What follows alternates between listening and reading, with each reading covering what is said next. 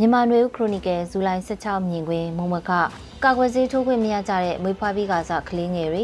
မြို့နဲ့ကျေးလက်လုံခြုံရေးအနေအထားအမိရတဲ့မုံမခဆောင်းပါဖြစ်ပါတယ်။ကမ္ဘာမှာမွေးဖွားလာပြီးနောက်လအလိုက်နှစ်လိုက်ကာကွယ်ဆေးထိုးကြဖို့ကမ္ဘာ့ကျန်းမာရေးအဖွဲ့လိုမျိုးကထောက်ပံ့တဲ့ကာကွယ်ဆေးတွေကိုအခုနှစ်ပိုင်းမှာမြန်မာနိုင်ငံရဲ့ဒေသအချို့မှာမွေးဖွားလာတဲ့ကလေးငယ်တွေထိုးခွင့်မရကြဘူးလို့ကုလသမဂ္ဂအဖွဲ့ရဲ့အစည်းအဝေးခန်းစာမှာဖော်ပြထားပါတယ်။ ကိုဗစ်ကူးစက်မှုကပ်ဘေးကြောင့်နဲ့စစ်အာဏာသိမ်းမှုအပြီးဖြစ်ပွားလာတဲ့ပြည်ပခါတွေကြောင့်မွေးဖွားလာတဲ့ကလေးငယ်တွေဟာစုံစို့ကြက်ညာချောင်းဆိုး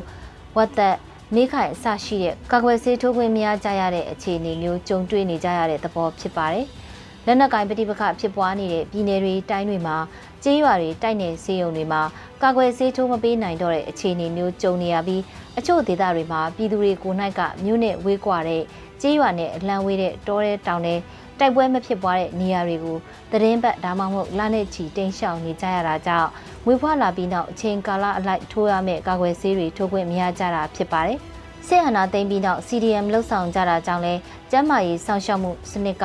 လူအင်အားတိတာစွာရွံ့နေသွားရကနေရီထိစောင့်ရှောက်မှုမပေးနိုင်တော့တဲ့အနေအထားမျိုးလဲကြုံနေကြရတဲ့သဘောဖြစ်ပါတယ်။ဒီလိုကလေးငယ်တွေကာကွယ်ဆေးမထိုးနိုင်တဲ့အခြေအနေမျိုးကြုံရတာကမ္ဘာမှာများများဆဆတော့မရှိပါဘူး။ 2019ကနေ2021ခုနှစ်အတွင်းစည်ရင်းတွေအရဆိုကာကွယ်ဆေးထိုးခွင့်မရတဲ့နှစ်နိုင်ငံဟာအာဖရိကတိုက်ကမိုဇမ်ဘစ်နိုင်ငံနဲ့မြန်မာနိုင်ငံတို့ဖြစ်တယ်လို့ဆိုပါတယ်။မြန်မာနိုင်ငံမှာကိုဗစ်ကူးစက်ကပ်ဘေးနဲ့လက်နက်ကင်ပဋိပက္ခတွေကြောင့်ပျက်စီးလို့နှီးပါဖြစ်နေတဲ့အများပြည်သူအတွက်ကျန်းမာရေးစောင့်ရှောက်မှုစနစ်တို့ကြောင့်အသက်ဆုံးရှုံးရသူတွေအရေးအတွက်ဟာကလေးတငယ်တွေအပြင်အရွယ်ရောက်ပြီးသူတွေမှာလည်းအများပြားရှိတာဖြစ်ပါတယ်။ပဋိပက္ခဖန်ဆီးမှု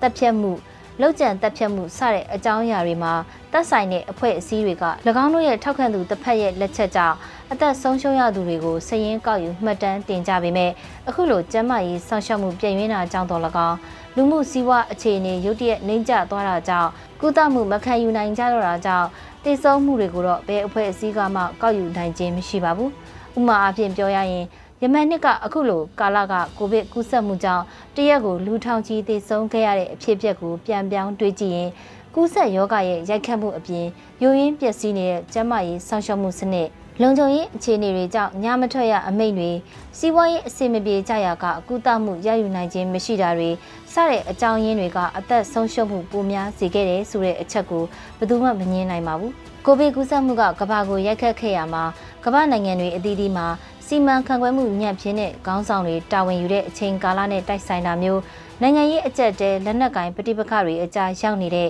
နိုင်ငံတွေမှာယောဂကပ်ဘေးနဲ့နိုင်ငံရေးကပ်ဘေးနှစ်ခုဆင့်ကခန်းစားကြရလို့အသေးပြောက်များပြားခဲ့ကြတဲ့တာရကတွေတမိုင်းမှာအမဲရောင်ကာလတွေအဖြစ်မှတ်တမ်းကြံရခဲ့ရပါလိမ့်မယ်ဒီနေ့ဖို့အခြားသတင်းတစ်ပုဒ်ကတော့သတင်းအဖြစ်မထူးဆန်းပေမဲ့လည်းတက်ရောက်မှုများပြားတဲ့သတင်းတွေပဲဖြစ်ပါတယ်လက်နက်ကင်တိုက်ပွဲတွေကြောင့်တပဲရင်မြို့နယ်ကကျေးရွာတွေမှာလူဦးရေ9000လောက်ထွက်ပြေးတိမ်းရှောင်နေရတဲ့တဲ့င်းအလားတူကရင်ပြည်နယ်နဲ့ နယ်ချင်းဆက်ဆက်နေတဲ့ပဲခူးတိုင်းကြောက်ကြီးဘက်မှာလည်းလူပေါင်းတောင်းချီတိမ်းရှောင်နေကြရတဲ့တဲ့င်းတွေဖြစ်ပါတယ်ဒီလိုသတင်းတွေကမကြာခဏဖြစ်ပျက်နေလို့မထူးခြားသလိုမြင်ရပေမဲ့လက်တွေ့ခံစားရတဲ့ပြည်သူတွေအဖို့တော့ဘဝမှာတစ်ကြိမ်တစ်ခါကြုံရတဲ့ခါးသီးတဲ့အတွေ့အကြုံတွေဖြစ်ပါတယ်။ပိုင်ဆိုင်မှုတွေဆုံးရှုံးသွားကြရတာအသက်ဘေးလွတ်အောင်တင်းရှောင်ကြရတာတနေ့တနေ့အသက်ရှင်သန်နေထိုင်ဖို့စားတောက်ရေးအတွက်အကူအညီရဖို့မျှော်လင့်တောင်းခံကြရတာခ က်ခဲသူအချင်းချင်းကူညီမှုတွေကိုလက်ခံရယူကြရတာတွေဖြစ်ပါတယ်။ကျေးလက်တွေမှာအခုလိုအသက်ဘေးလွတ်အောင်ပြေးနေကြရတဲ့အချိန်မှာ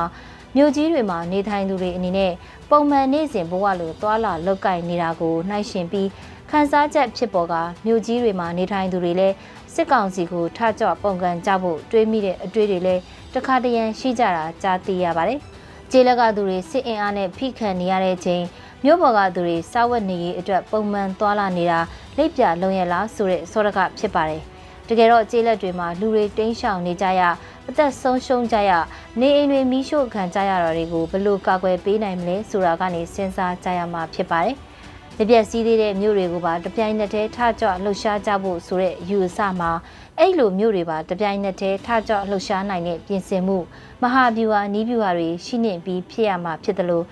အဲ့လိုအင်အားမျိုးတိဆောက်ထားနိုင်တဲ့အခြေအနေမျိုးမှာတပြိုင်နက်တည်းတစ်ခုသေးသောစီမံခန့်ခွဲမှုဗျူဟာအောက်မှာလှုပ်ရှားမှုမျိုးမှသာအောင်ပွဲရမှာဖြစ်ပြီးအဲ့လိုအစီမံပြင်ဆင်မှုကွကွဲမှုမပါတဲ့နှိုးဆော်မှုတွေကအောင်ပွဲရစီမှာမဟုတ်ပဲ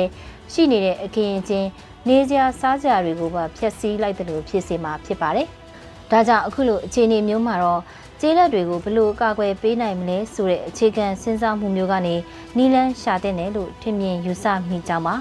ကျမຫນွေဦးလေးပြေပါ